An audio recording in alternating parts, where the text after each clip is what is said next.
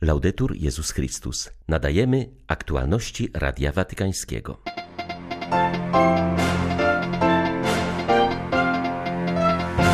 Trudno prowadzić dialog z tymi, którzy rozpoczęli wojnę, ale trzeba to robić, mówił Franciszek, wracając z Kazachstanu. Dziennikarze pytali go głównie o sytuację na Ukrainie.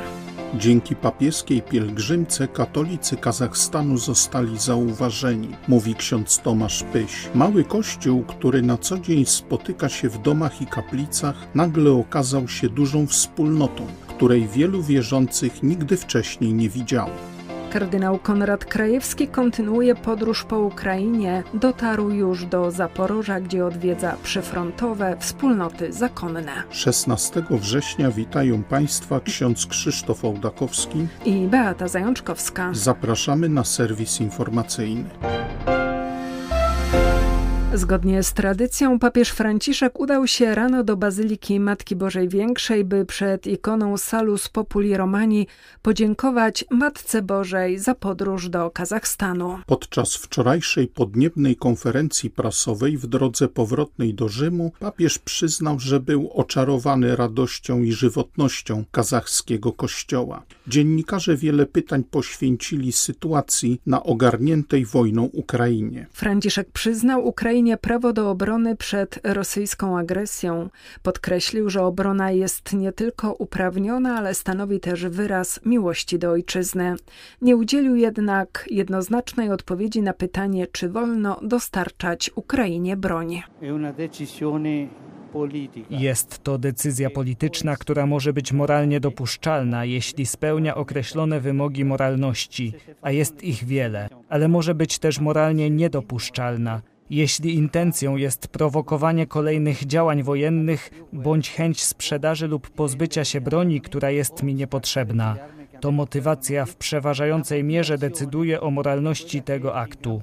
Obrona jest nie tylko uprawniona, ale stanowi też wyraz miłości do ojczyzny. Ten, kto się nie broni, kto czegoś nie broni, ten tego nie kocha, a kto broni, kocha. Franciszek przyznał, że potrzeba dziś refleksji nad pojęciem wojny sprawiedliwej. Przypomniał, że obok wojny na Ukrainie trwa dziś wiele innych konfliktów i w rzeczywistości mamy do czynienia z trzecią wojną światową. Ojca Świętego pytano też o trudności ze zrozumieniem stałej gotowości do dialogu z Moskwą. Przypomniano, że to, co Rosja robi na Ukrainie, to sama przemoc, śmierć i totalne zniszczenie. Stąd padło pytanie, czy istnieje jakaś granica, po której przekroczeniu nie powinno już się mówić. Jesteśmy gotowi na dialog z Moskwą. Myślę, że zawsze trudno jest zrozumieć dialog z państwem, które rozpoczęło wojnę. Jest to trudne, ale nie powinniśmy tego odrzucać.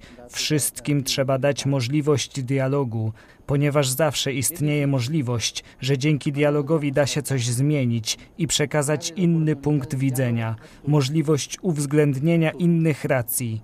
Nie wykluczam dialogu z żadnym mocarstwem, choćby prowadziło wojnę, choćby było agresorem. Zawsze krok naprzód, wyciągnięta ręka, zawsze ponieważ w innym wypadku zamykamy jedyną rozsądną furtkę do pokoju. Niekiedy nie godzą się na dialog. Szkoda. Ale dialog trzeba prowadzić zawsze, przynajmniej proponować. Jest to pożyteczne dla tego, kto proponuje dialog. Dzięki temu da się oddychać. Franciszek odniósł się również do głosów krytyki, które padły podczas kongresu zwierzchników religijnych w Kazachstanie pod adresem cywilizacji zachodniej. Papież przyznał, że rzeczywiście nie może ona dzisiaj uchodzić za wzór. Jego zdaniem Zachód wszedł na błędne drogi. Jako przykład podał nierówności społeczne w Ameryce Łacińskiej albo kryzys demograficzny i migracyjny w Europie, a także zagrożenie populizmami. Musimy powrócić do wartości Europy, do wartości ojców założycieli Unii Europejskiej, powiedział Franciszek. Pielgrzymka papieża Franciszka do Kazachstanu pozwoliła katolikom zaistnieć w przestrzeni publicznej. Mały kościół, który na co dzień spotyka się głównie w domach i kaplicach, nagle okazał się dużą wspólnotą, której wielu wierzących nigdy wcześniej nie widziało. To spotkanie daje nam nadzieję, że przesłanie Ewangelii wciąż będzie docierać do ludzi i przynosić owoce, mówi pracujący w Nursultanie ksiądz Tomasz Pyś, który współorganizował papieską pielgrzymkę. Kapłan zwraca uwagę, że z Franciszkiem spotkali się nie tylko katolicy. W papieskiej mszy uczestniczyło 11 tysięcy osób, a transmisję z niej w kazachskiej telewizji obejrzało aż 4 miliony. To dla naszego maleńkiego kościoła bardzo dużo, mówi ksiądz Pyś. Myślę, że takie najważniejsze to właśnie życzliwość wszystkich tutaj w Kazachstanie, kiedy oni jakoś organizowali, żeby ci ludzie mogli dojechać, dotrzeć na to spotkanie. Ludzie się tak dziwili niektórzy, ale to takie piękne, że niektórzy jechali kilka dni, żeby te dwie godziny spędzić razem z papieżem na placu, prawda? Na tym placu w stolicy, w Nursultan. Także to takie wrażenia, ta wielka otwartość wszystkich, potem taki oddźwięk, takie echo tego, co papież mówił. Takie zdziwienie, takie piękne zdziwienie, że papież był tak dobrze przygotowany, że, że znał Abaja, czy takiego największego poetę kazachskiego. Ten przykład, kiedy używał w sali kongresowej dąbry, czyli ten taki narodowy instrument kazachski i jakby w oparciu na tym y, budował swoje przemówienie i porównywał do wszystkiego to, to, to co powinniśmy jakoś tam robić. To spotkanie dla nas to taka nadzieja, że mamy jakąś taką przyszłość, że ludzie są na nas otwarci, na Kościół katolicki. Dlatego, że na przykład do obsługi przy świętej było zaangażowanych wielu wolontariuszy. To 100% pewne, że większość z nich było pierwszy raz na mszy świętej. Tam przed samą świętą były takie krótkie filmiki na, na tych telebimach, co to jest katolicyzm, kto to jest papież. To nie jest takie oczywiste dla tych ludzi, którzy tutaj mieszkają. I nawet ci ludzie, którzy przyszli zobaczyć człowieka, który jest znany w całym świecie, po prostu z ciekawości, jakby dotknęli się wiary w jakiś sposób i to pokazuje też, że to jest taka dla nas nadzieja, że ludzie tutaj mieszkający będą coraz bardziej otwarci na, na Pana Boga. Nie milkną entuzjastyczne głosy po doświadczeniu Kongresu Przywódców Religii Światowych i Tradycyjnych w Kazachstanie. Uczestnicy pragną, by to wydarzenie stało się zalążkiem współpracy. Nie możemy poprzestać tylko na uchwaleniu wspólnej deklaracji. Ciąży na nas odpowiedzialność, aby ją zrealizować, zaznacza biskup Joe Wells z Kościoła Anglikańskiego. Wczoraj ponad 100 delegacji z około 60 krajów przyjęło wspólną deklarację kończącą spotkanie. Dokument ten zawiera sprzeciw wobec cierpienia milionów ludzi z powodu wojen, klęsk żywiołowych i prześladowania. Sygnotariusze wyrażają ponadto wolę współpracy międzyreligijnej, a także kooperacji z organizacjami międzynarodowymi anglikańska biskup Joe Wells, która odczytała deklarację na wczorajszym spotkaniu, podkreśla konieczność podjęcia konkretnych kroków. Deklaracja nie może pozostać uh, tylko na papierze. Musimy ją przekazać dalej, przyjąć i wprowadzić do naszego życia. Dlatego też wszyscy, którzy zasiedli przy stole obrad, powinni się wzajemnie rozliczać z implementacji dokumentu końcowego. No Dodam, że musimy podjąć tę deklarację wspólnie. Nie przyniesie to nic dobrego, jeśli zrobimy to indywidualnie lub jako oddzielne grupy wyznaniowe. O wiele większą siłę ma proces, gdzie różni ludzie działają razem w oparciu o dokument, który pragną wprowadzić w życie.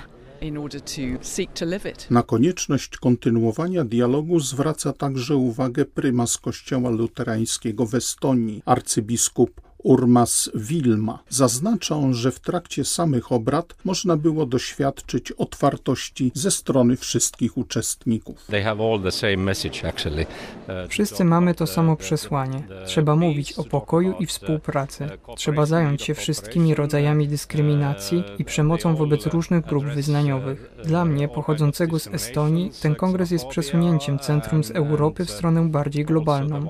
Słuchałem oczywiście, gdy poruszano tutaj temat rosyjskiej wojny na Ukrainie i muszę powiedzieć, że nie uczyniono tego tak bezpośrednio, jak jesteśmy przyzwyczajeni w Europie. Jednak ta wojna została ujęta w przesłaniu kongresu. Podkreślono, że obecny świat doświadcza licznych konfliktów zbrojnych i myślę, że uwyraźnienie tego tematu jest spowodowane wojną na Ukrainie. Bardzo podobało mi się przemówienie papieża. Powiedział, że musimy kontynuować dialog i nie możemy nikogo wykluczać. Papież mocno podkreślił to słowo nikogo. Pomimo różnic przesłanie kongresu pozostaje mocne. Musimy prowadzić dialog, aby służyć ludziom.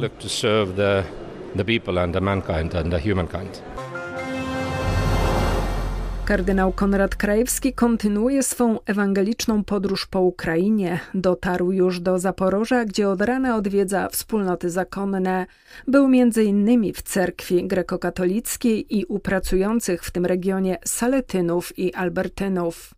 Papieski jałmużnik rozwozi po Ukrainie miłość Ojca Świętego, mówi biskup Jan Sobiło. Biskup Zaporoża od kilku dni jest przewodnikiem kardynała Krajewskiego na przyfrontowych terenach. Przypomina, że kolejna misja papieskiego jałmużnika na Ukrainie świadczy o wielkiej trosce Franciszka o ten kraj.